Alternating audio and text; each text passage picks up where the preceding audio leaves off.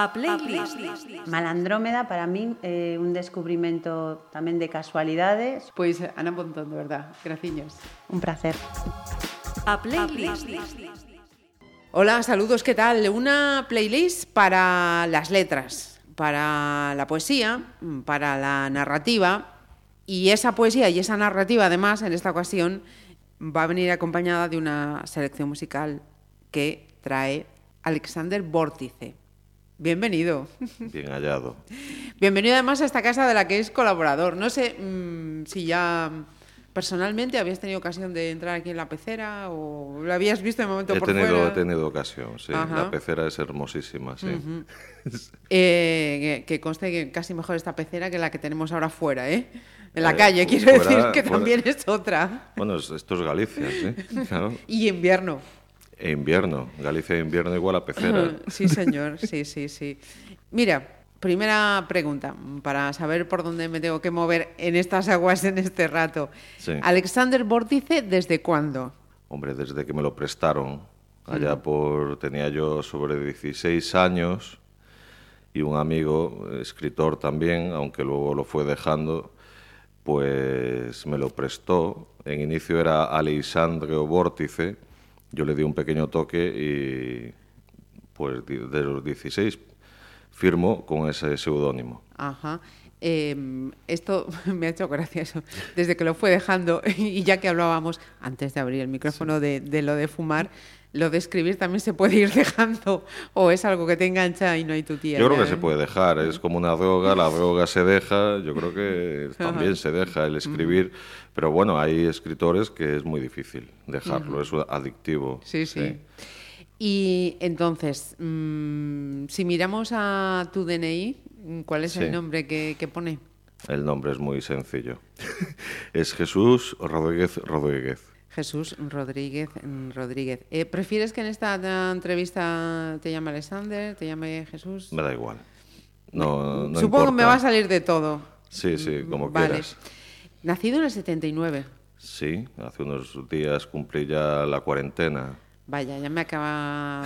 Tengo- Voy a tener que recolocar dos de las preguntas entonces. Sí. Eh, eh, la primera, esta. Ya te has subido al cuarto piso. Sí, sí, yo estoy todavía mi mente en el 39, pero estoy en el cuarto, supuestamente, sí. Eh, ¿Le has dado vueltas, has reflexionado o ha sido uno más?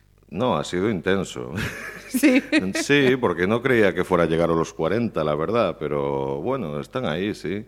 No sé por qué, yo pensaba que los 40 quedaban muy lejos, pero no, está muy cerca. Sí, Ajá. sí, sí, y, sí. y a medida que se llegaba a la fecha de ese cumpleaños, eh, eso, mm, pensabas mucho, decir, uff, uff, o... Bueno, me tomaba más ibuprofenos, por si acaso, sí. Eh, dos citas médicas, también por si acaso, y, y logré llegar, sí, sí, sí. por otros 40, ¿no? Eh, esperemos que no. ¿No? Depende, depende. Las condiciones. Las condiciones, Vale. es decir, si se vive poco pero intensamente es mejor, ¿no? Si estás ahí postrado en una cama o tal, mejor los 80, Es- no, mm, lo no dejamos, no. Eso es. Eh, eso es, quiero decir que soy de tu opinión.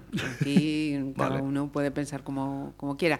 Mira, y la música en tu vida, cuéntame. Mm, ¿Ocupa mucho espacio, poco espacio? Mm, Ocupa, ocupa un espacio importante, pero soy de muy pocos grupos. mm, o sea, No. muy selectivo. Sí, en la música sí, por ejemplo en el cine no, eh, veo un poco de todo, pero en la música soy bastante selectivo, sí. Ajá. Y venga, pues vamos a hacer la primera de tus selecciones. Cuéntanos por qué has querido abrir y con qué. Sí, por la primera es eh, de John Frusciante, que es ex guitarra de los Red Hot Chili Peppers. Ajá. Se titula Carvel y pues la mm, descubrí allá por el año 2006 en Asturias. Empezaba yo a salir con una chica que todavía me aguanta, todavía ya han pasado muchos años, es como la cuarentena está ahí también. No sé por qué me aguanta, pero lo hace. Sí, sí. Es- y, y me, bueno, ella es fan, muy fan, muy fan de John Frusciante y de los Red Hot. Y me la, me la puso, íbamos en el coche de noche por Asturias adelante, Covadonga, dejábamos Covadonga atrás y me encantó. Es de mis canciones preferidas, tiene mucha fuerza, Eh, bueno, es- esto pertenece a álbumes eh, que está sacando este hombre en solitario. Él, ahora ya no pertenece a los A Red Red Hot, Hot. y está sacando unas maravillas en- enormes. Es un genio.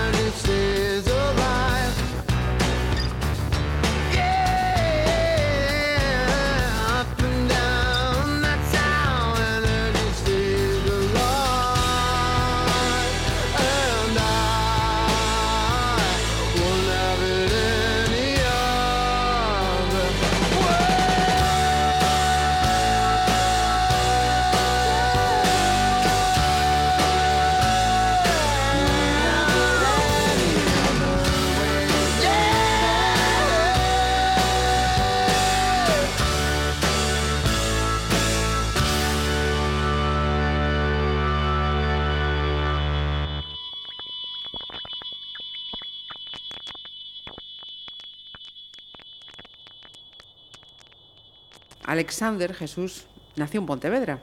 He leído. Eh, Has leído bien. Vale.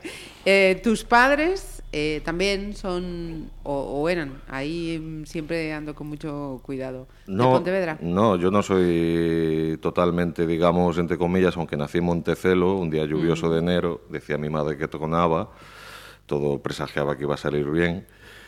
Eh, mis padres son de Orense, Ajá. eh, o sea que no soy, digamos, al 100% PTV.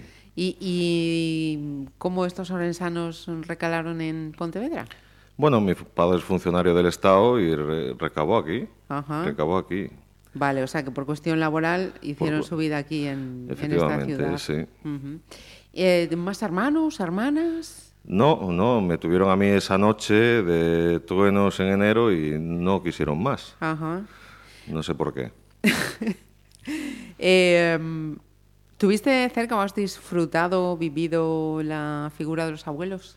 Sí, sí, sí, lo he disfrutado. Cuéntame. He, he tenido abuelos aquí en Pontevedra por parte de padre, que también vinieron, hacia aquí, y después eh, por parte de madre en un pueblito que, de- que se llama Sampaio, en la parroquia de Maside, Carballiño, Ajá. y me he movido entre dos provincias. Eh, un recuerdo que tengas así especial con ellos. Pues sobre todo tengo recuerdos con la familia orensana. Eh, las vacas, ¿Sí? soy de los pocos que puede decir que he tocado vacas. Mi abuelo tuvo vacas a lo mejor hasta los sesenta y tantos, setenta años, yo era muy pequeño. Eh, los cerdos. ¿eh? porque ahora, claro, ahora lo ves todo enlatado, es una desgracia. Sí, vas o al Mercadona y ves al, pantalla. ves al Sí. cerdo por partes, pero lo bonito es verlo y tocarlo y sentirlo. Era muy diferente, es- digamos, la familia pontevedresa de la familia orensana. Aquello era muy ensebre, la orensana muy mucho más bonito, Ajá. digamos. Ajá. Dejabas la urbe a un lado. Sí, ¿no? sí, sí, sí. Y, y vivías eso, pues lo que era la esencia de, Sí. de, las aldeas, ¿no? El contacto con. Y eso con siempre los me gustó animales, mucho, con- sí. ¿En qué, ¿En qué zona de, de Pontevedra creciste? Pues yo crecí en Paseo de Colón, bueno, exactamente, yo vivía en la Rúa Nova de Baixo, Ajá. que está aquí al lado. Sí. Y bueno, me movía por Paseo de Colón, La Alameda, Montero Ríos, y ahí crecí y bueno, y pasé los mejores momentos de adolescencia. Conocí a mis primeros grandes amigos, que aún lo son muchos de ellos. Por, por ahí también te quería preguntar. eh, luego. Venga, pues vamos por ahí Sí. y, y altero el orden de las preguntas. Lo que quiero es que, que esto sea fluido. Eh, eso que acabas de decir entonces indica que eso, una persona que todavía conserva esos amigos de, de la sí, infancia. conservo, sí, Ajá. conservo amigos de... Bueno, eh, mi primer amigo, que por cierto fue el que me cedió El, seudónimo. el seudónimo, lo conocí con tres años, Ajá. porque su madre era peluquera y mi madre eh, pues era clienta de, de su peluquería y nos llevaba allí y nos juntó. ¿no? Tres años él, tres años yo, el cumpleaños ahora en febrero, o sea, somos más o menos igual men- de la misma quinta, ¿no? Sí. Y seguimos siendo amigos. Es el amigo más antiguo que tengo. Y mira, y le podemos poner nombre. Sí, se llama Damián. Sí, sí, Ajá. sí. Pero bueno, en esencia es el verdadero Alexander Vórtice, claro. En Por eso decía, va- vamos a poner un nombre al creador de Alexander Vórtice. Sí, Sí, sí, señor. sí. Entonces eh, eres eh, un niño, claro. En esa generación todavía disfrutábamos mucho de, de los juegos en las calles. Sí, muchísimo. En la Alameda, en este caso, ¿no? Un emplazamiento también. Sí, no teníamos mayor divertimento que el estar en contacto con, con la gente. No tanto como hoy. Parece que, bueno, no somos tan mayores, Sí. ni tú ni yo, pero parece que ha cambiado muchísimo la cosa. Estábamos jugando al baloncesto, al fútbol, dábamos paseos y, bueno, eso parece ser que ha cambiado algo, ¿no? Y, y- y en unas condiciones que no eran tan, no sé que, si se puede adjetivar, algodonables, entre comillas, como ahora, ¿no? Antes estabas en el parque, te caías en la gravilla, Sí. te... Sí, la verdad es que sí, te caías y no pasaba nada. Ahora mismo los parques están acolchados porque, claro, hay que tener un sumo cuidado y supongo que por eso ya los antibióticos ya no nos hacen nada, ¿no? Mira, antes de, de hacerte otra preguntilla, siguiendo en, en esa Sí. etapa de, de la, de la infancia, eh, vamos con otra de tus eh, selecciones, Jesús. ¿Qué podemos escuchar ahora? Pues sí, esta es una canción muy, muy, muy emotiva para mí, que es de Luis Eduardo Aute Slowly. Ajá. Eh, sí, eh, bueno, a mí me encanta Luis Eduardo Aute y yendo un poco a lo que hablábamos, yo lo descubrí también por un buen amigo que a este ya lo conocí un poco más tarde, con 14 años, 15, que es colaborador vuestro ahora mismo, que es Jesús Iglesias, eh, periodista. Y yo iba a su casa y, claro, en aquel momento, pues te hablo con 14, 15 años, eh, pues sus padres, si no me equivoco, eran muy amantes de Luis Eduardo Aute. Yo le pedía que me pusiera el vinilo. Ajá. Yo en mi casa no tenía a Luis Eduardo Aute Sí. ni tenía... Y entonces lo descubrí gracias a él y hasta hoy, ¿no? Y, y me trae muy buenos recuerdos esta canción.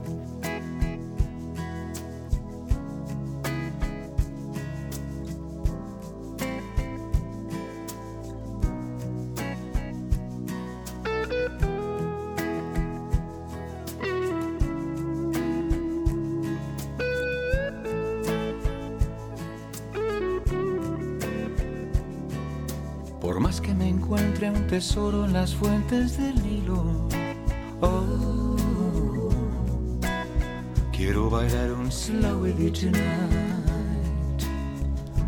tonight. Y aunque seas la Mona Lisa o la Venus de Milo, oh, quiero bailar un slow with you tonight.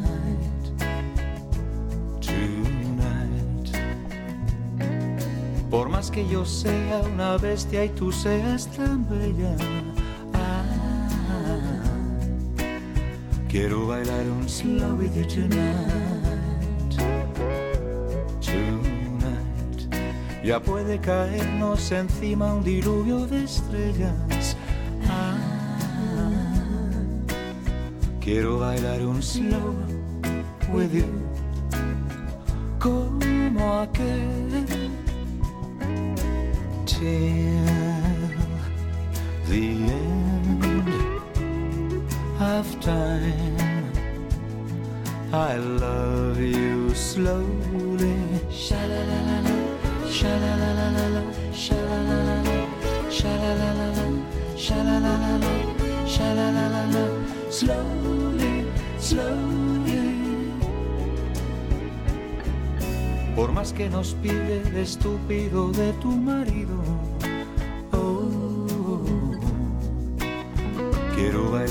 Slow with you tonight.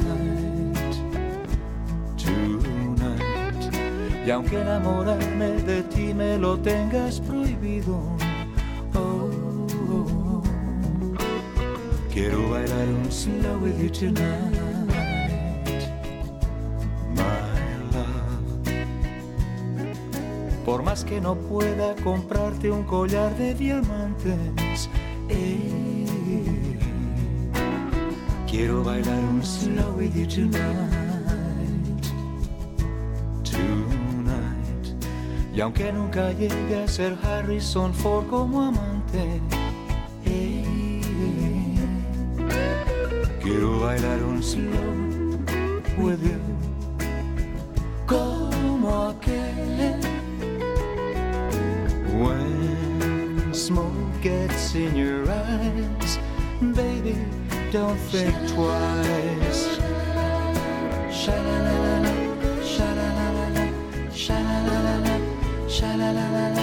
Slowly, slowly.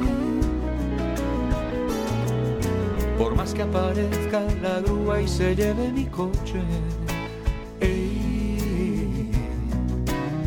quiero bailar un slow with you tonight, Por mí que reviente el planeta en confeti esta noche.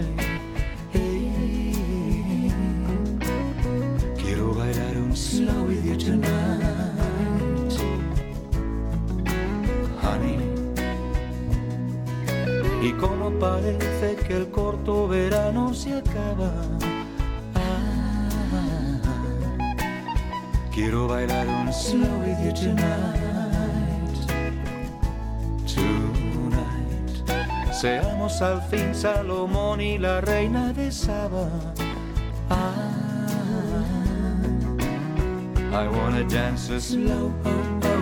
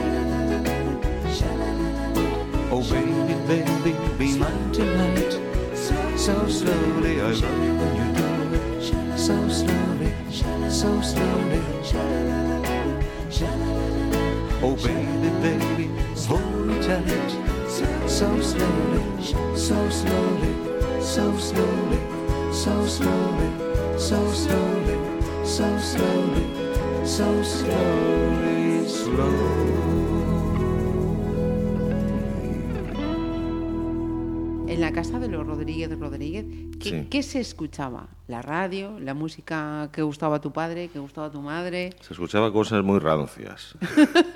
muy rancias. Eh, la- eh, si vamos a gustos de mi padre y de mi madre, eh, yo escapo mucho porque se escuchaba Manolo Escobar, se escuchaba Chiquetete, eh, yo- a los Panchos, y yo escapaba de ahí. Eso no podía ser. Entonces yo escuchaba... Mira, yo los panchos te lo compro. ¿Me lo compras? Sí, sí, sí. ¿Te gustan? ¿Por qué? Ese punto así melancólico de canción. Sí, Eres sí. emotiva. Sí, sí. Vale, eh, pues eh, los dejamos en la mesa, vale. Pero bueno, después escuché mucho la radio, claro. Nuestra Sí. generación era la radio y ahí descubrías a, a grupos como Radio Futura, eh, Mecano y demás, ¿no? Aquella gran época de los 80, 90 que tiene muchísimos grandes grupos. Bueno. Considero que no como ahora. Yo, igual es defecto de generación, pero yo creo que, que los mejores. Em, por cierto, ¿te acuerdas de la primera cassette o el primer vinilo que te pudiste comprar?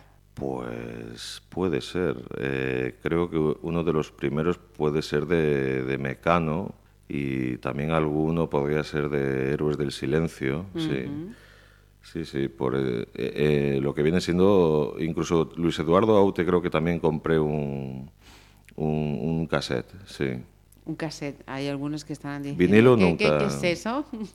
Sí, es una cosa antigua, obsoleta, pero daba. Para la cual era muy útil un lápiz o un bolígrafo Bic. Sí, sí, sí, es una cosa muy antigua que la juventud ahora no conoce, pero, Ajá. pero también muy emotiva, ¿no? Eh, yo tengo cassette guardados por si acaso.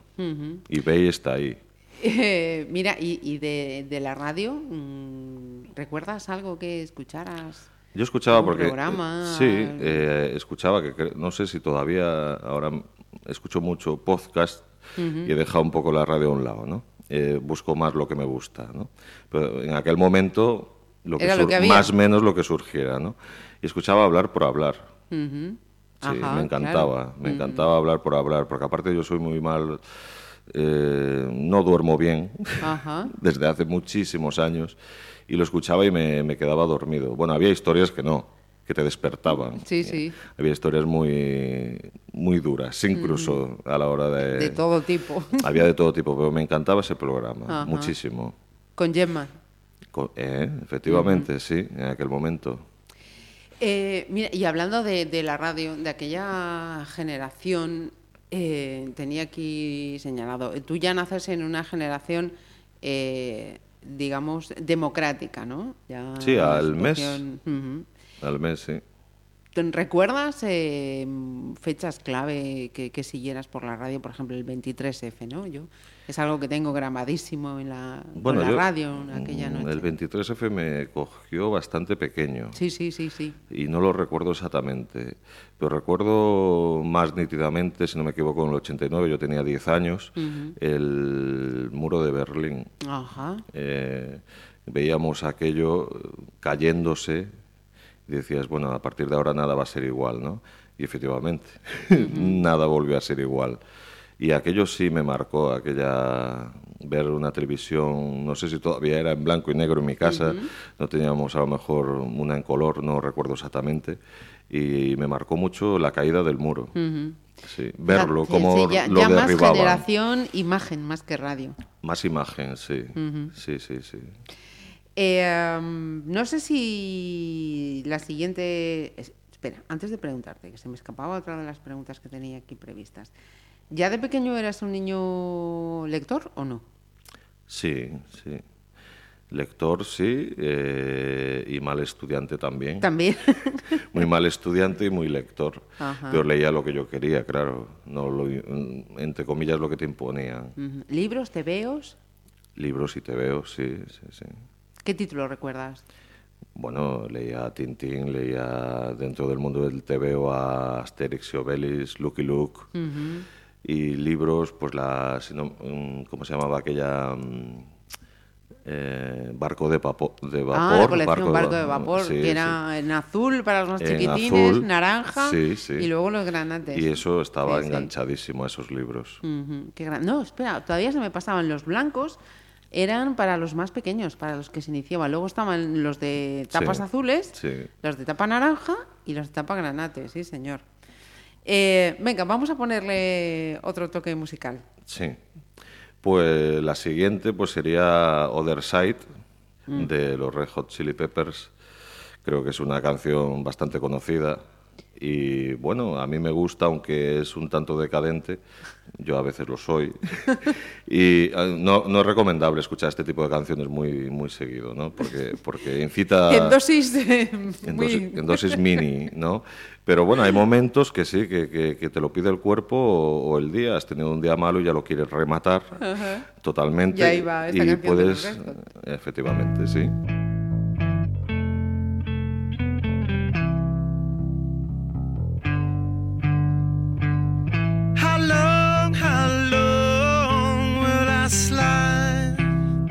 Separate my side?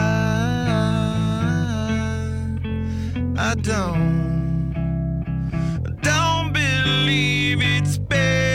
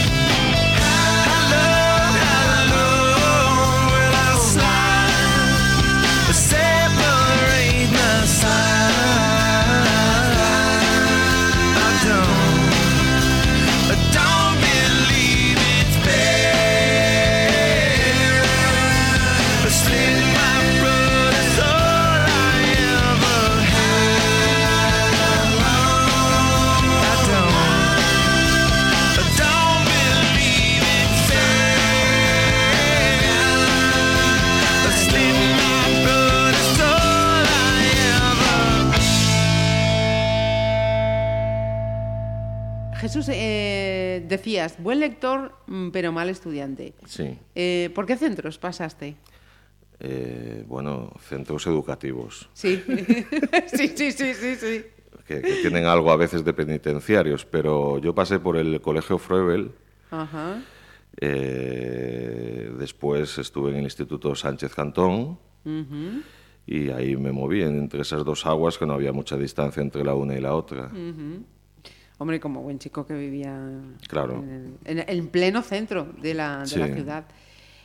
Con el paso de los años, vamos a ponernos ahora mm, en los 40, por ejemplo, Venga. ¿cómo definirías al Jesús adolescente? Pues esperanzado y un tanto pesimista, no sé muy bien por qué. Quizá porque va con la propiedad igual. Igual, las hormonas son muy Traicioneras. traicioneras y Y cutres. engañosas, sí. Sí, sí, sí. Pero bueno, es un tránsito. de Luego ya, eh, pues nada, pueden seguir ahí las hormonas o pueden desaparecer, pero lo normal es que desaparezcan, sí. Y, y si le preguntase a, a tus padres, que dirían, buf, tuvo una adolescencia terrible. Bueno, pues eh, Sobre mí. pues la llevamos. Bueno, mm, creo que no, no tuvieron demasiados problemas conmigo. Tuve, bueno, era enfermizo, tuve algún problema de salud Sí. por aquella época, sí. Y creo que la única cosa que, que, que pueden achacar mis padres. Después, mm, mucha cosa negativa no les llevaba a casa. era, era, por desgracia, creo, demasiado consciente. Ahora volvería atrás y haría alguna tontería. Ah, Más todavía. Sí, sí. Me arrepiento de eso, de no haber hecho más tonterías. O sea, que podemos decir que eras una, una adolescente eh, re- excesivamente responsable para su edad. Y algo retraído, sí. Tímido. Sí. Aún lo soy. O sea, estoy aquí en la radio y no sé muy bien por dónde ubicarme. sí. Odio los medios. Vale, he escrito en medios y tal, pero no me gusta mucho. Sí, sigo siendo algo Aparecer. tímido. Aparecer no. Odio las fotos, odio las cámaras y. Sí, O sea, le hemos hecho pasar un, un pequeño mal trago hace un, hace un ratito. sí. Em, y con esa timidez, ese retraimiento, em, con los amigos, ¿cómo, ¿cómo era que era adolescente? ¿Salía mucho? ¿Salía poco? Salíamos eh, lo que viene siendo jugar, hablar, quedar en Alameda, en Montero Ríos y tal. Pues creo que hasta los 18. Creo que no, no nos fuimos más allá de esa zona mm, hasta los 18 o así. Caray. Eh, bastante tarde, sí, sí. Nosotros veíamos como iba, iban los de 15, otra gente de 15, 16, iba o venía mamada y nosotros todavía no íbamos, ¿no? Y claro, eh, al final alguien tuvo que decir, "Eh, hay que hacer lo que hace todo el mundo. Entonces aquella noche salimos y, y- y algo se bebió, sí, sí, algo se bebió, poco. Fíjate que yo estaba pensando en uno de los artículos que, que tienes escrito aquí en Pontevedra Viva en que decía, "Uy, a los 17 uno bebe, pues po- po- porque es lo que toca. Y digo, mm, vo- voy a preguntarle si cumplió con esa máxima, pero no, ya veo que No, que no. yo bebía poco, pero comencé a fumar a los 18 mucho. O sea, compensaba, claro.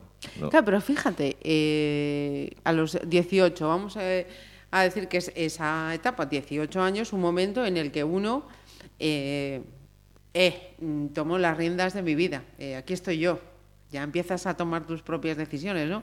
Entonces, bueno, mm, empezar a fumar de aquella, yo pensando en aquellos años también, pues en mi entorno había gente que era el momento en el que empezaba a fumar. También hay que decir, es que hay que ser tonto, mm, tonta, mm, empezar a fumar a esta edad cuando ese casi lo que era un acto de rebeldía empezaba, pues eso, mm, 16, 15, de- de- depende, ¿no? Pero No, bueno, en mi caso eh, es curioso cómo empecé a fumar, porque a mí nadie me incitó a fumar.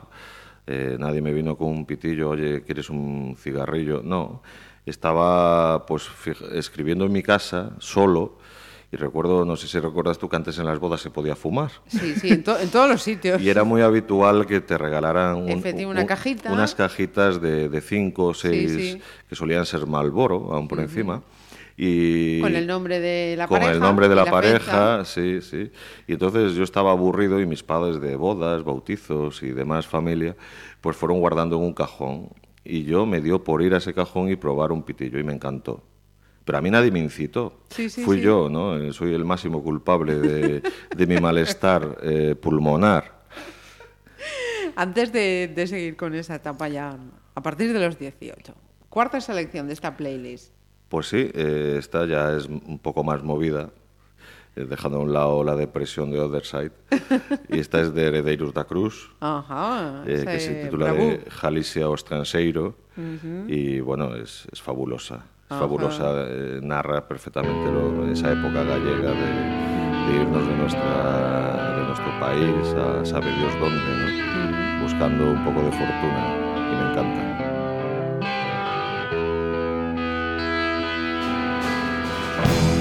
Aí xa ven de tempo Os gallejos teñen peito da que se sabe Comenzaron os máis vellos conquistando estranxeiro Invadindo continentes prata e uns poucos ferros. Esta é a historia dun xoven labrejo que antes de embarcar Chao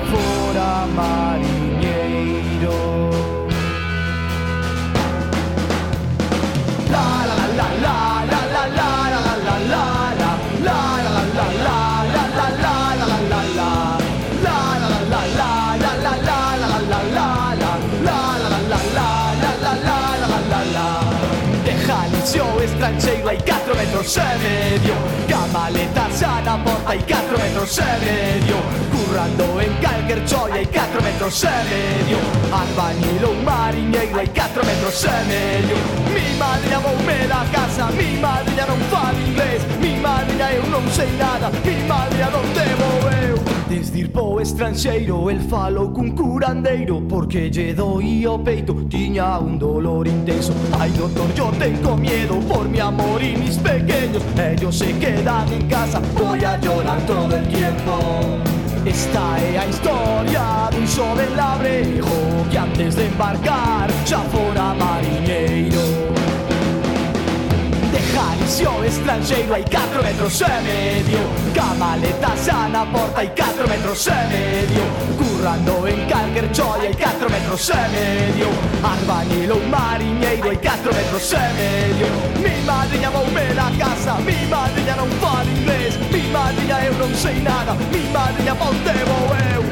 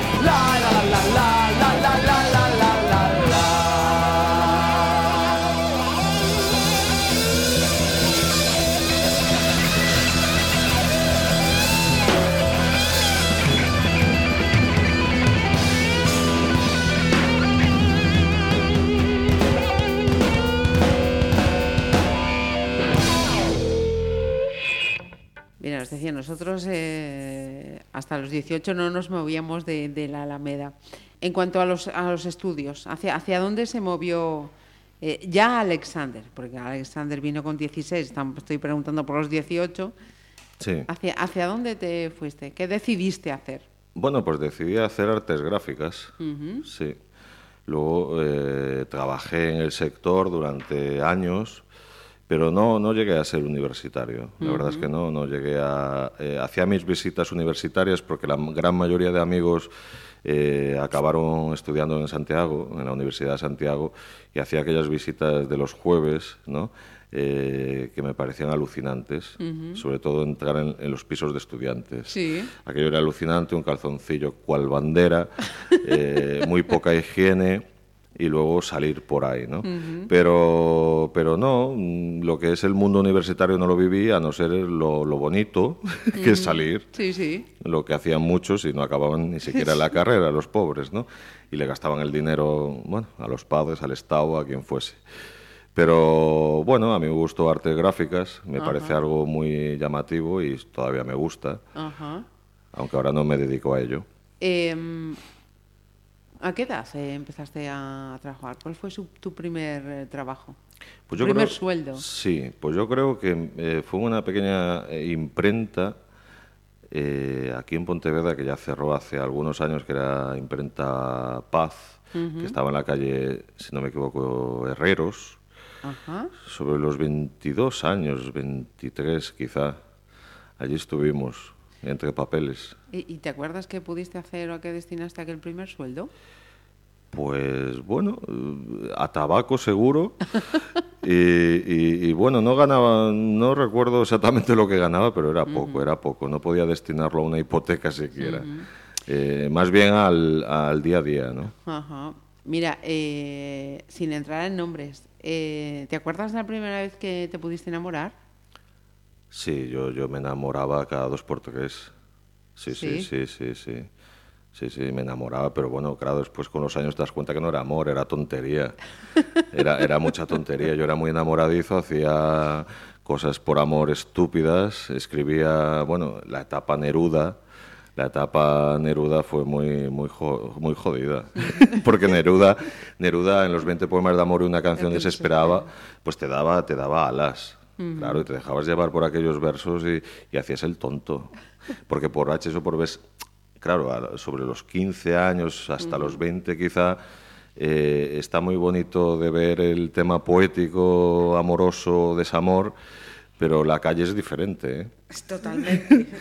Totalmente. Tú le ibas con unos versos de Neruda a la mayoría, no todas, que había chicas muy, muy poéticas también y que le encantaba la poesía, ¿no? Pero, pero te tomaba un poco por tonto. Sí, sí. Y después se me pasó, el, el ser tan enamoradizo se me pasó. Me cansé de ser enamoradizo, quizá durante una década y media, y dije, no, nunca más. Y entonces ya, ya, ya empecé a leer a Bukowski. Casi nada. Claro, entonces ahí ya hubo un contraste y, y llegó, y llegó lo oscuro también a mi poesía, claro. Casi nada. Eh, mira, eh, si no sigo dándole más golpes eh, yo a, Sí. a esta, a esta mesa. Eh, entonces, de, de esa juventud, de esa primera juventud, ¿no? Digo yo, pues eso, di- 18, 19, 20 y... em, ¿Dirías que em, la exprimiste bien o a día de hoy, No, yo como en diría- la adolescencia, le sacaría más jugo? Yo diría que me exprimió bien. Cuéntame eso. Bueno, la adolescencia es, eh, es, es jorobada, ¿no? Es decir, claro, lo que hablábamos antes un poco de las hormonas. Sí, Yo creo que el te tema... lleva a ti más que tú a ella. Efectivamente, claro, o sea, te lleva mucho más a ti y haces cosas que después, al cabo de, de unas décadas, miras hacia atrás y dices, bueno, pero ¿qué hice yo allí, no? Y tal. Pero bueno, después como salvoconducto no fuiste tú. Ajá. Fueron las hormonas, los granos de la cara, eh, los ímpetus sexuales. Claro, claro, no eras tú realmente. O sea, un adolescente siempre, a no ser que sea un caso muy, muy grave, hay que perdonarle siempre todo. Ajá. Mirando, mirando a, la, a la música, ¿has sido o, o sigues siendo de conciertos? Sí, sí, sí, sí, todavía. Y el último muy grande de aquí, que tuvimos el privilegio de tener a Bumburi Sí, señor, este verano. este verano, dos horas y media, un gran profesional, allí estuve y, y apoteósico, lo mejor que vino en estas peregrinas. Sí, sí. Yo sé de gente que, que se cruzó la península de este a oeste para estar en ese concierto y que decían, es que, mm, bueno, mm, salieron encantados, no, eh, tres veces lo, lo siguiente y decían, es que el tío además, eso, viene aquí mm, a un concierto para el público gratuito, el concello sabe Sí. lo, que, lo que le costó, eh, pero el tío lo ha dado todo, porque se han mamado muchos conciertos eh, de, de pago y decían, Sí. y el tío en un concierto así ha sido dándolo todo. Es que Enrique Bumburi, como creo yo, ¿no? como los grandes artistas, que quizá no quedan muchos, o sí, depende, artistas hay muchos, pero los grandes hay pocos, es muy grande y, y el caso es que te encuentras dos tipos de personas con Bumburi, o te gusta mucho o no te gusta nada. Pero es un profesional, que es quizá lo que debiera destacarse en el mundo del arte, música, escritura, cual sea. Y yo, aquellas dos horas y media que estuve frente a, él, a pocos metros, aparte tuve la suerte de estar bastante cerca, es que realmente te puede no gustar, pero no puedes des- decir que, que no lo dio todo. eh, una banda súper profesional y él, bueno, echándose al público. Hay imágenes de ello, incluso Sí, en sí. Pontevedra Viva, ¿no? Sí, sí, sí. Entonces, claro, eso a veces es lo fundamental. Puede que un artista no te guste, pero mm, hay que reconocer eh, su valía y su trabajo. Y por casualidad, mm, mm, igual me equivoco, ¿escuchamos algo ahora? Pues sí. por casualidad, por casualidad. Por sí. casualidad, porque me lo había dicho antes. Claro, mucha casualidad. Eh, Héroes del silencio ahora, sí, maldito duende.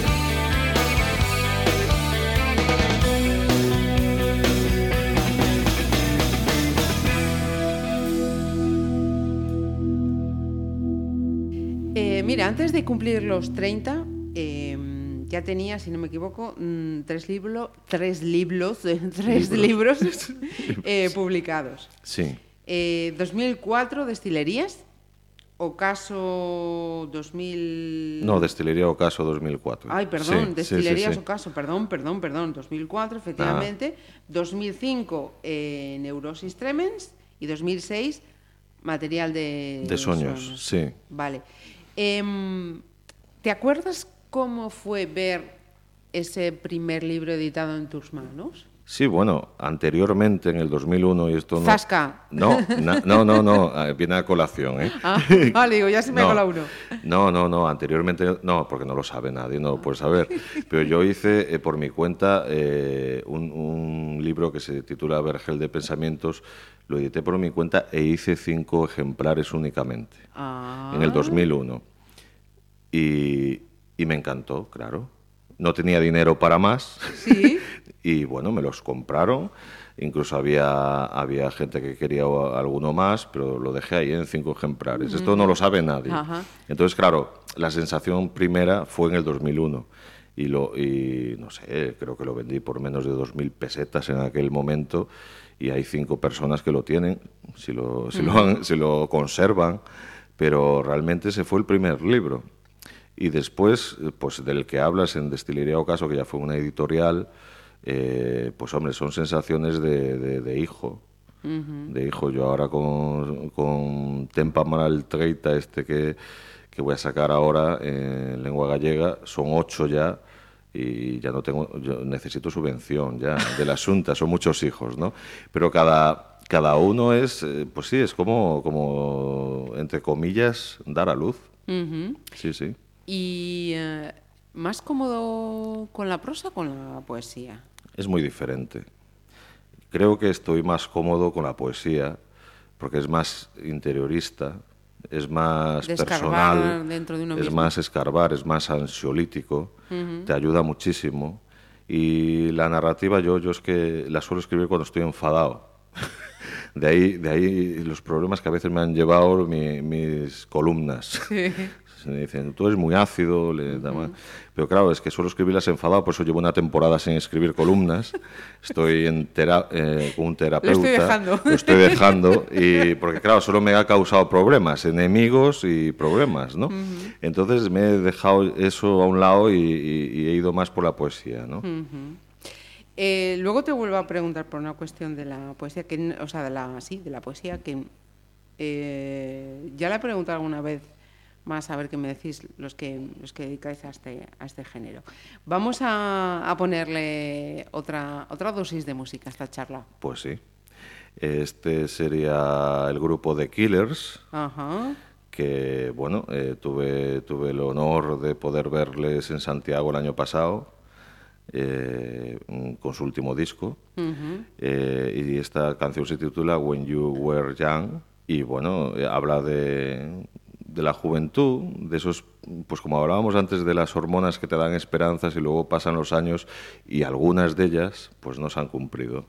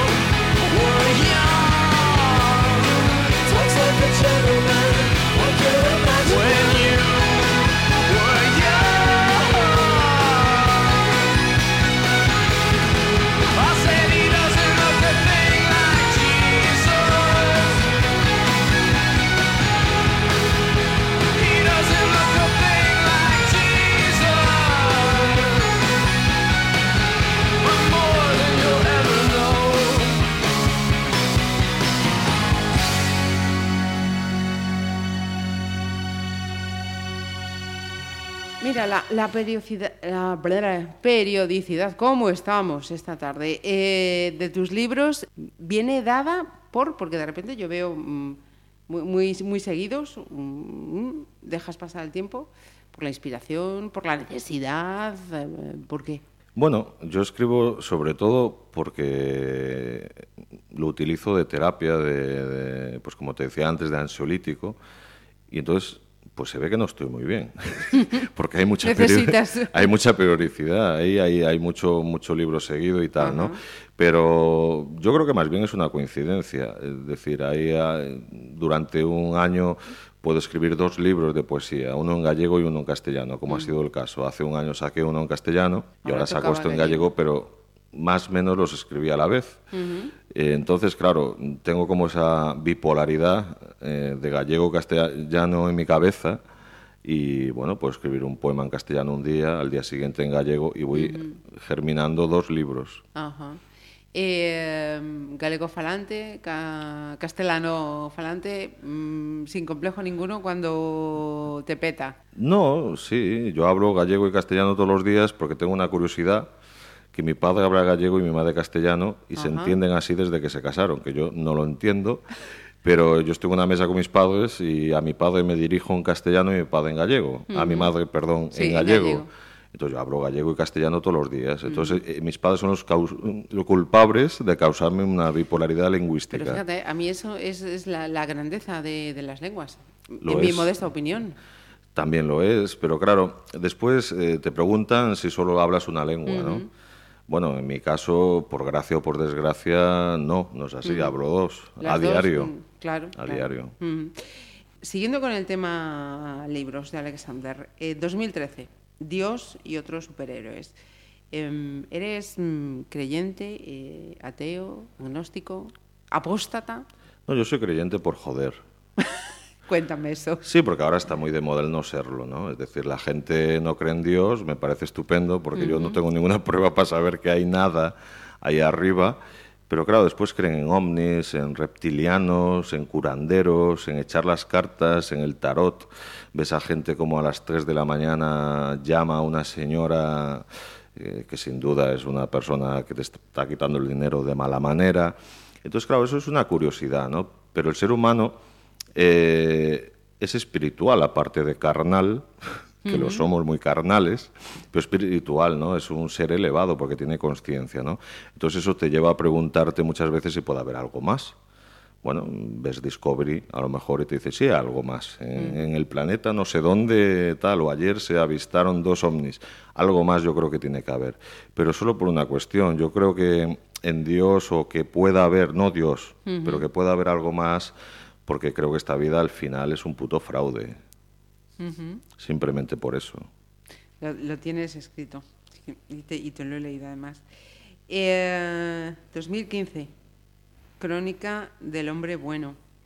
Eh, te acabo de preguntar por Dios, ahora te voy a preguntar por el hombre. Sí. Eh, el hombre es un hom- el hombre es un lobo para el hombre, como decía Hobbes, ¿no? O como decía Summers en su película Todo el mundo es bueno.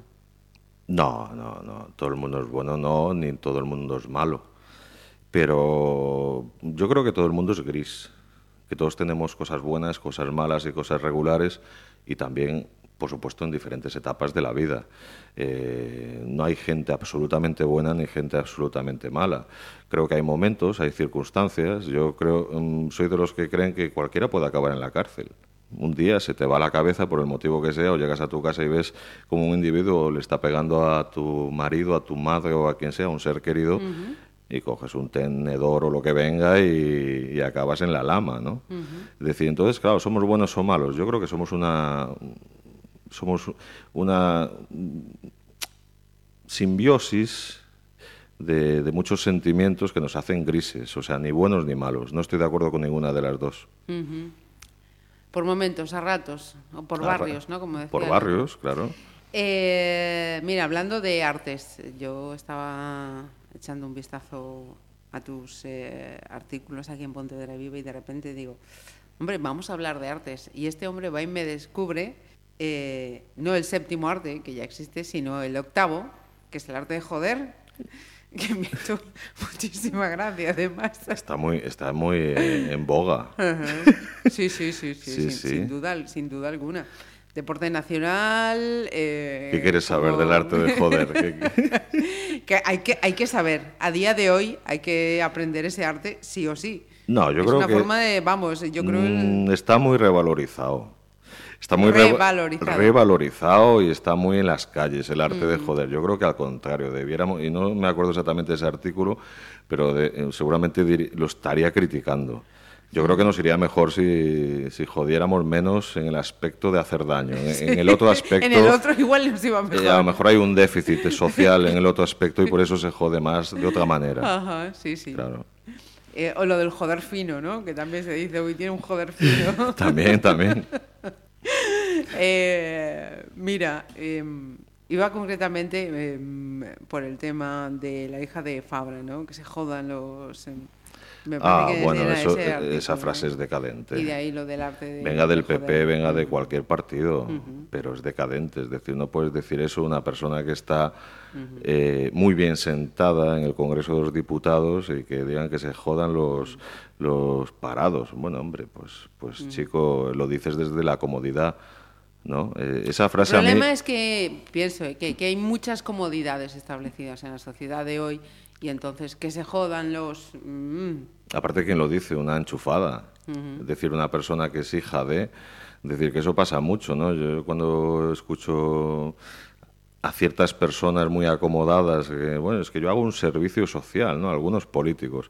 Bueno, a lo mejor si te quitan los 5.000 euros y te ponen el eh, 700 y pico que hay ahora, ¿no? Como tal, seguramente el servicio social lo dejas a un lado, ¿no? Entonces, claro, hay que tener un respeto a la gente que lo está pasando mal y a un parado lo está pasando mal. Y esa frase, ahora la recuerdo perfectamente del artículo, a mí me jodió. Lo que quería ella, conmigo lo consiguió. Y no sé dónde está ahora mismo esta señorita, creo que ella no es diputada, pero espero que no le vaya demasiado bien. Aplícate el cuento, ¿no? Que decía el otro. Que se aplique el cuento. La vida da muchas vueltas y el karma Muchas, está muchas, ahí. muchas, muchas, muchas. Eh, vamos a ponerle buena música a ese karma. Vamos a Venga. ponerle la frontera, Bueno, Javier Andreu, sí, señor. el límite. Mira, hombre, el límite. viene, viene bien, viene Muy- bien para este momento. Eh, ¿Muy de aquel momento rockabilly o fue...? No, rockabilly, no. eh, pero esta, esta eh, canción en cuestión sí me encanta. Ajá. Sí me hace recordar a, a día de hoy eh, muchísimo, creo que es del año 92, y, y me hace recordar muchísimo la época de la adolescencia que hablábamos antes, ¿no? De, de esos amigos que nos prometíamos todo y al final todo quedó en casi nada o nada, ¿no? Y vamos a ser amigos para siempre, vamos a tal, y la vida te cambia, las arrugas te marean y no has podido a lo mejor cumplir todo lo que prometiste.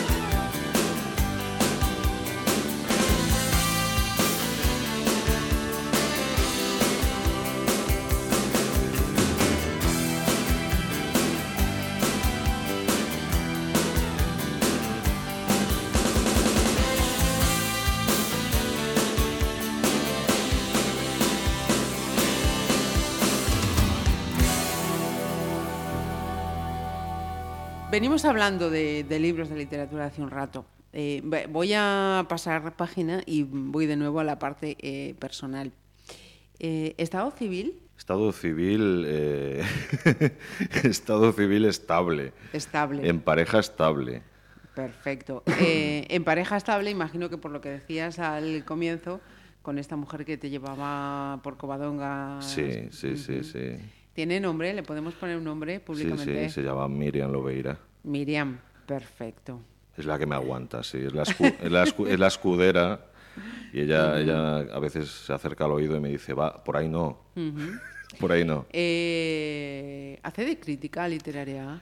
Es filóloga. Ajá. Sí, sí. Lo peor. Lo peor. Hablaba Bueno. yo, cuando empecé a salir con ella, a- eh, hablaba con un muy buen amigo, eh, profesor de, filo- perdón, de filología gallega, Ajá. y me decía, bueno, ¿no? Que es he conocido a esta chica, es filóloga, y dice, "Uh, filólogo y escritor. eso no, no vas a poder con ello y tal, ¿no? Y es crítica, pero es crítica constructiva. Por lo Ajá. menos conmigo la hace constructiva y por lo menos también sé que si algo es medianamente potable o bueno de lo que escribo, eh, me lo va a decir. Ajá. Últimamente es muy crítica, ¿no? Pero de lo último que voy sacando me lo critica bastante, va al detalle, va a la coma, pero se lo agradezco, se lo agradezco. Debe ser que estoy así medio apalominado gracias a ella, entonces claro, no soy yo crítico conmigo mismo en este sentido, pero se lo agradezco. Mira, además de esas ocho eh, criaturas literarias, ¿hay alguna criatura de carne y hueso? No, todavía no. Y apartado de aficiones. Antes me recuerdo que has nombrado el cine. No me sé si es me como gusta mucho el cine, o- sí, me encanta. Has dicho que veías eh, de todo, ¿no? Que no eres como la música, que eras más selectivo, sino que en el cine, el Sí, espectro... eh, de todo me refiero a, claro, cine de suspenso, cine de terror, eh, pues eh, minoritario también, indie, como le dicen. Sí, no me, no me importa ver un poco de todo. Total, está muy bien a día de hoy, lo sueles ver en la televisión, en tu ordenador, Eso te iba a preguntar. lo paras. Por los y canales tradicionales, eliges tú a la carta. eh, No, yo soy mucho también de lo de a ver qué echan en la televisión. Ajá. Le doy un margen de 5 o 10 minutos. Sí, y, sí. si me gusta, me quedo. Y si no, otra cosa. Y si no, otra cosa. Tenemos ahí sí, basura televisiva por todos lados. para, para Pero- dar y, y tomar. ¿Y de sala de cine? También. Mm, La última, pues Queen, Ajá. Queen, Queen. Bohemian Rhapsody. Mm. Bohemian Rhapsody. ¿Le ponemos buena nota? Le ponemos una nota buena, sí. yo, yo le doy un 8 por lo menos. Ajá. Eh, Queen es una grandísima banda. La película en sí es un homenaje. no, no, no hay una trama, no hay un guion. Es, es un homenaje realmente de dos horas. Eh, tenemos ahí encima ya eh, la gala de los Goya, del cine español. Lo último que has visto del cine español que te llame, que te recuerde. Si no tienes nada en la cabeza, es que nada se te ha quedado así en la cabeza que te llame la, la atención. Pues no, pero tengo muchas ganas de, de ver eh, Campeones. Y la voy a ver, y la voy a ver. Lo que pasa es que la he pospuesto, pero tengo muchas ganas de ver, porque creo que, que debe ser desde fuera, viendo la carátula, de lo más potable. Eh, ese humor un poquito negro Sí. hacia esas pobres personas que realmente lo pasan mal y, la, y muchas veces las dejamos a un lado. Y creo, por lo que me han comentado, que es una grandiosa película. No sé si está nominada Está, a está, los es- Oscar. es una de las favoritas. Sí, y, sí. y la veré, la veré. A los Goya. A los Oscar no. Eh, ay, espera. película espera, extranjera, espera. Sí, no, sí, no sí, sé. sí, sí, sí, sí, sí, sí. Espérate, vamos a salir de dudas. Vamos, Vamos a a- googlear un poco.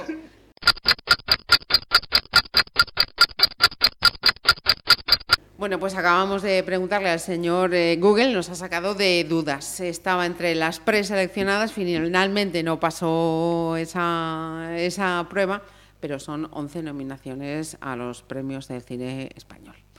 Eh, yo tengo que decir, no sé si en, en mi defensa o en mi defenestración, que empecé a verla y me quedé dormida. Bueno, a lo mejor fue un día cansado, un día, un día duro, ¿no? Lo volveré a intentar, ¿eh? Lo Hay que volveré a intentarlo. intentar, sí, sí, sí, sí. Eh, redes sociales, eh, Alexander, eh, ¿activo? ¿En cuáles? Bueno, yo sobre todo en Facebook y en Twitter. Lo de Face, ya sabes que lo- los más jóvenes ahora dicen que es algo de viejunos. Sí, yo soy viejuno. Viejuno, Yo no estoy nada de acuerdo, claro, la perspectiva que tienen ellos, pues... me- Viejuno comparado con qué edad estamos hablando, 20 Efectivamente, años. sí, Sí, claro. Si me comparo, soy viejuno. Eh, vo- volvemos a otro de su- a tus artículos, la vida es una mierda, ¿comparado con qué? ¿Comparado con qué? Claro. Pues esto igual, viejunos comparados con qué. Bueno, no, no me lo parece, no me lo parece. O sea, Twitter, Facebook, lo de Instagram todavía no te has... No me gustan las fotos.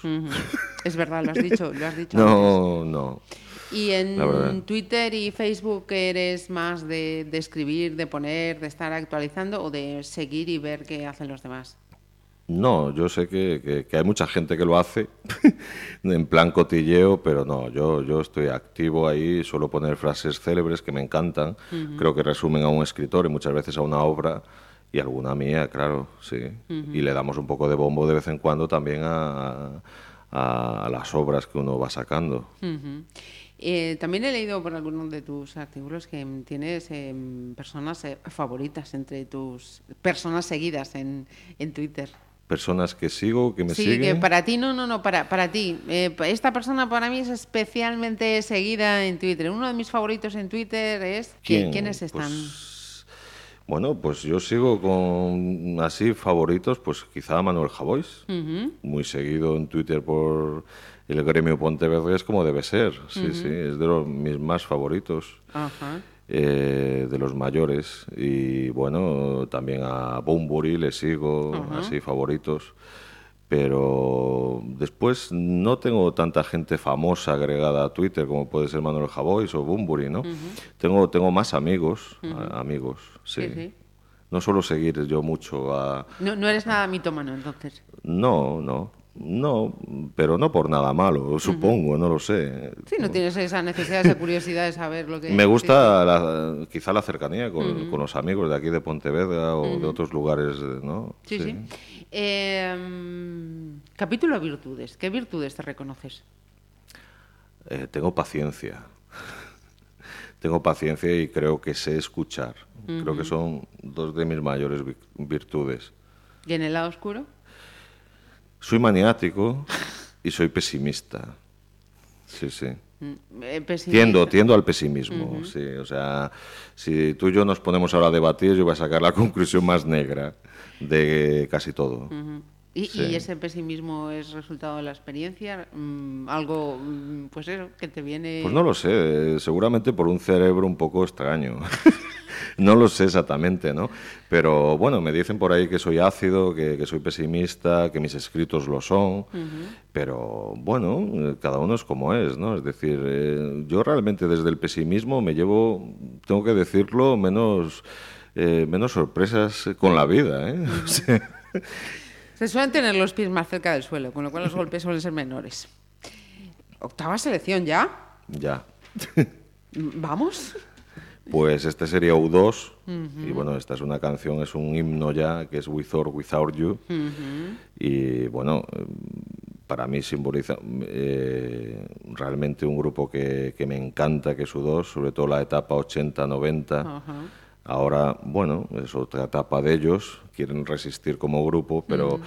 Pero esta canción junto con otras de la etapa de los de 80 efectivamente pues para mí son himnos. Son himnos.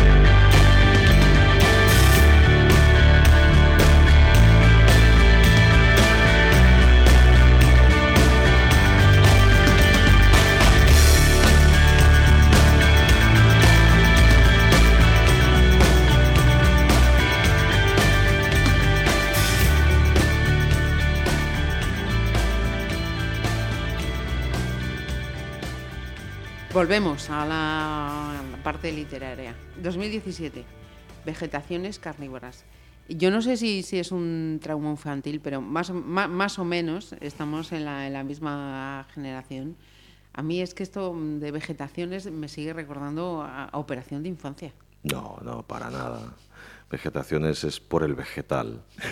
Sí, sí, pero yo Es por el tengo, vegetal. tengo- tengo esa, esa Pero me lo ha dicho más gente, ¿eh? Yo es que compré... Ah, vale, mira, me quedo más Sí, tranquila. sí, sí. Yo es que compré un libro y pensaba que estabas hablando de las vegetaciones. No, no, no, realmente no. El, el título es un poco el yin y el yang de lo que es la persona. Lo que eh, puede ser un vegetal, algo inanimado, o puede ser carnívoro que te mueves y arañas y cazas, ¿no? Sí, sí, que es un poco lo que te hablaba antes de que lo que es una persona, una cosa gris, eh, que puede ser buena, puede ser mala según el momento y las circunstancias. O sea, eh, ni vegano ni carnívoro. Me dan mucha que- pena los animales, por desgracia, pero, pero todavía soy carnívoro, todavía, y me gustaría dejar de serlo por, por bueno, me, me gustan mucho los animales. Eh, tengo un gato que admiro, mucho, mucho más que algunas personas, y, y, bueno, es una desgracia, pero sí, todavía soy carnívoro. Em, ¿Vives holgadamente o estrechamente de la literatura? Vivo malamente de la literatura, me da Rosalía, ahora que está malamente, malamente, muy malamente. Eh, me da pa' cafés. Eh, ¿Con qué se completa entonces?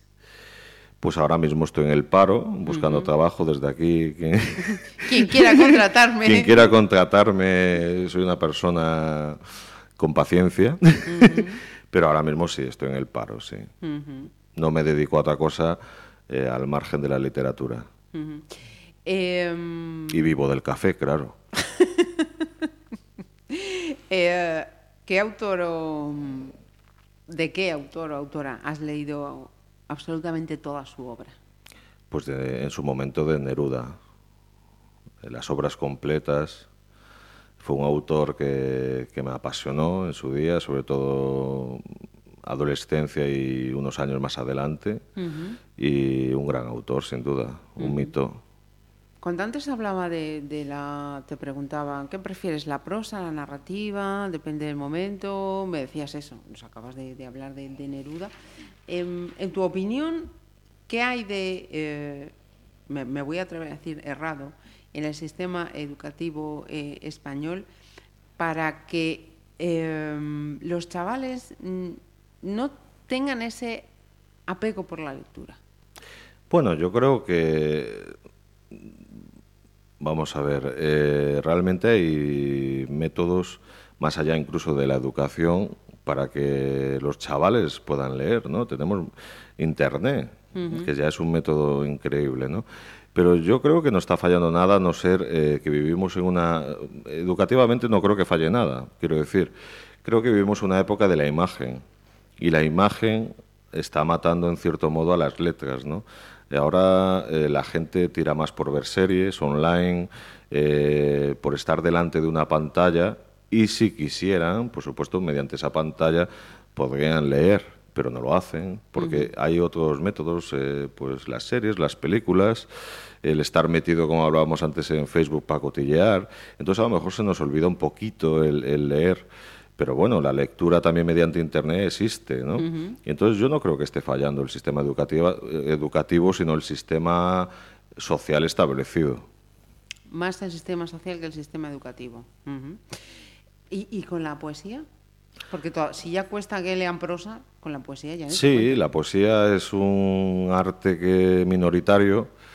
Eh, bueno, hay gente, por supuesto, yo conozco bastantes personas que le encanta la poesía, aun siendo minoritario, pero, pero sí está un poco, mm, es como, como ese arte que pequeñito, que alguna vez nos acercamos a él, pero realmente mm, es eh, la prosa la que se lleva en la que se lleva el peso, los galardones y demás y tal. Pero la poesía es, es totalmente eh, vital y necesaria para, para el ser humano, ¿no? Em, penúltima selección ya. Penúltima, Casabian. Este es otro de los descubrimientos. Sí, esta canción se titula Fast Fuse. Y bueno, Casabian a mí me encanta también. Es un grupo que descubrí en el año, si no me equivoco, 2006 en Portugal, en Lisboa. Vi un concierto yendo, yendo a ver a los Red Hot Chili Peppers. Ah, pues ellos estaban de teloneros y los descubrí ahí. Y bueno, están todavía por ahí dando guerra estos.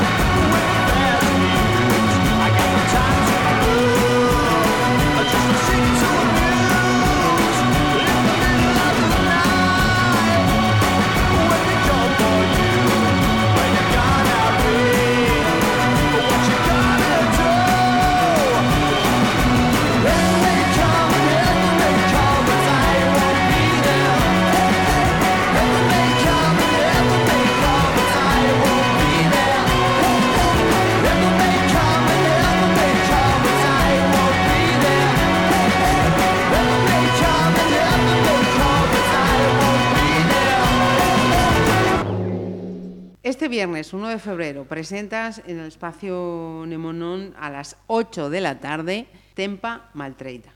Decías Sí. es el libro de poesía, en gallego tocaba esta vez, En gallego, de sí. editorial discursiva. Eh, he leído que es un viaje por las emociones humanas. Es un viaje por las emociones, por muchas emociones humanas, sobre todo, ¿Cómo claro. ¿Cómo nos presenta este libro su autor? Pues es un libro, yo creo que es el libro más eh, personal que he escrito nunca. Lo escribí eh, en 2016, estando un año, todo el año en Irlanda, lo escribí en Irlanda, en Cork. Y bueno, eh, también aparecen experiencias de ese año en Irlanda, un país maravilloso, verde como el solo y gris mucho más que Galicia, y, y llueve muchísimo más. Entonces, a lo mejor también llevándonos por el clima un poco irlandés, pues salen a relucir emociones más íntimas, más personales. Y yo creo que este sí es el poemario mm, más intimista que jamás he escrito. Porque lo de ir a Irlanda, ¿por qué fue? Bueno, por fortuna. Buscando, sí, bueno, mi pareja eh, te- tenía que hacer también una tesis y bueno, y yo me dije, bueno, pues vamos para allá a buscar fortuna y allí estuvimos, pero cuando llegamos estaba ya la fortuna echada porque había muchísima gente de fuera. En Irlanda hay muchas multinacionales, eh, eh, Amazon, Google, Sí. B&B, ¿no? Entonces mucha gente de fuera está siendo llamada por, por ese por ese bueno oportunidad de trabajo entre comillas porque estaba ya llenísimo de gente extranjera y llegamos un poco tarde pero bueno allí estuvimos Ajá. Eh, ¿Cuánto duró, por cierto? Un año. un año estuvimos Ya que eh, nos hablabas que es el libro más, más personal tuyo, que es un viaje por las emociones humanas, ¿piensas que es mm, peligroso eh, mostrar a día de hoy demasiado las, las emociones? Bueno, eh, si vamos a lo del arte de joder que hablábamos, pues sí es peligroso, porque claro, es decir, porque todos llevamos una coraza y es por algo, ¿no? Porque tal vez no nos fiamos tanto de, de la gente, ¿no? Yo creo que uno de los motivos, por ejemplo, de- del tema animalista, de que la gente ahora tenga tantas mascotas, es porque repudia un poco al propio ser humano y ve en una mascota algo mucho mejor que el propio ser humano. Entonces sí, a veces nos tenemos que poner un escudo y tal, pero en mi caso yo cuando escribo poesía no, no pongo filtros. Puede gustar o no gustar, pero no los pongo. Es decir, por ejemplo, en Tempa Maltreita es lo que sentía en aquel momento, preciso. Eh, ¿Dónde se va a poder adquirir? Venga, promocionate. Bueno, pues en cualquier librería de Pontevedra, en las mejores librerías, como se suele decir, o también en Amazon o en la propia editorial discursiva. Y, y el viernes mismo ahí en el espacio Nemonón También tendremos libros, para el que lo quiera. Ajá. ¿Ya hay alguno ya en marcha para 2019, 2020? O de No, ahora mismo me he quedado un poco así seco, ya ocho llegan. Hay algún proyecto mental, pero no, no, ahora mismo no. Poquito a poco, poquito a poco. Pues Jesús, Alexander, disfruta de este nuevo piso. del Pues muchas gracias. piso. Muchísimas gracias por acompañarnos y más en esta tarde que está cayendo. Gracias la- a vosotros por mundial. acordaros de mí e invitarme. No, hombre, un placer. Muchas gracias. Antes de terminar, ¿con qué vamos a poner el broche final? Pues vamos a acabar con Enrique Bumburi. Y vamos a acabar con una, con una canción perfecta para este momento que se titula Y al final. Ajá. Muchísima suerte. Y gracias, gracias. igualmente.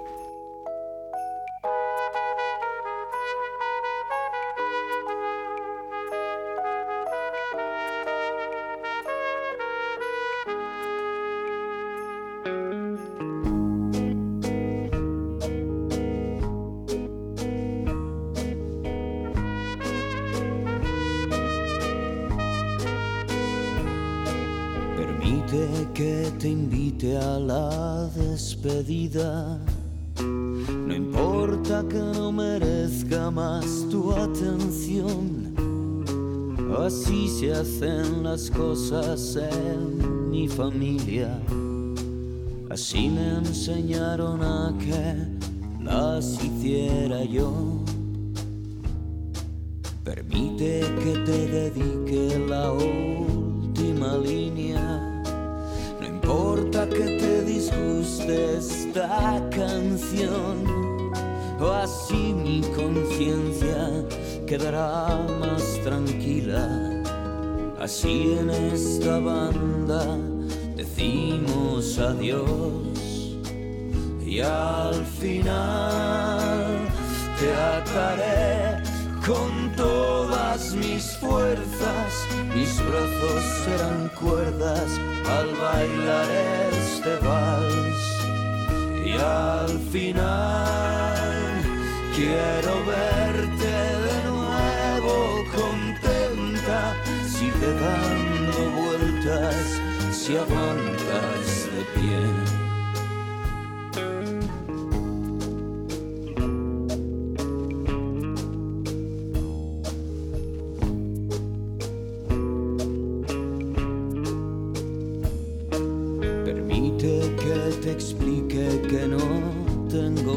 No importa que tengas algo mejor que hacer.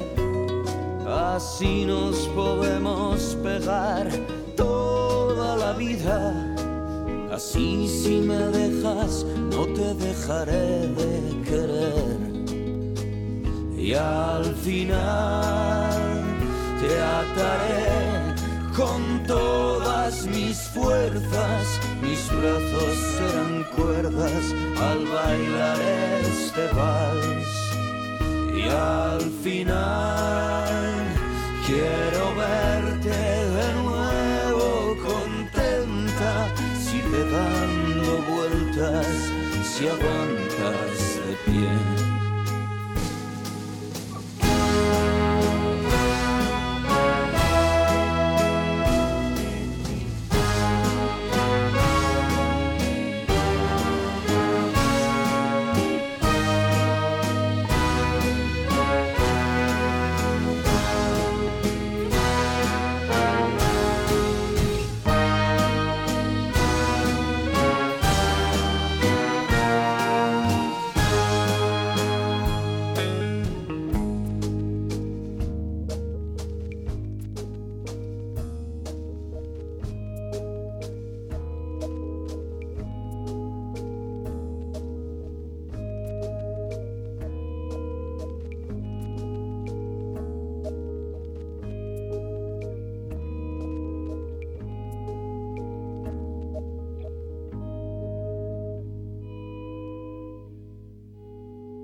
A Playlist. Pontevedra Viva Radio.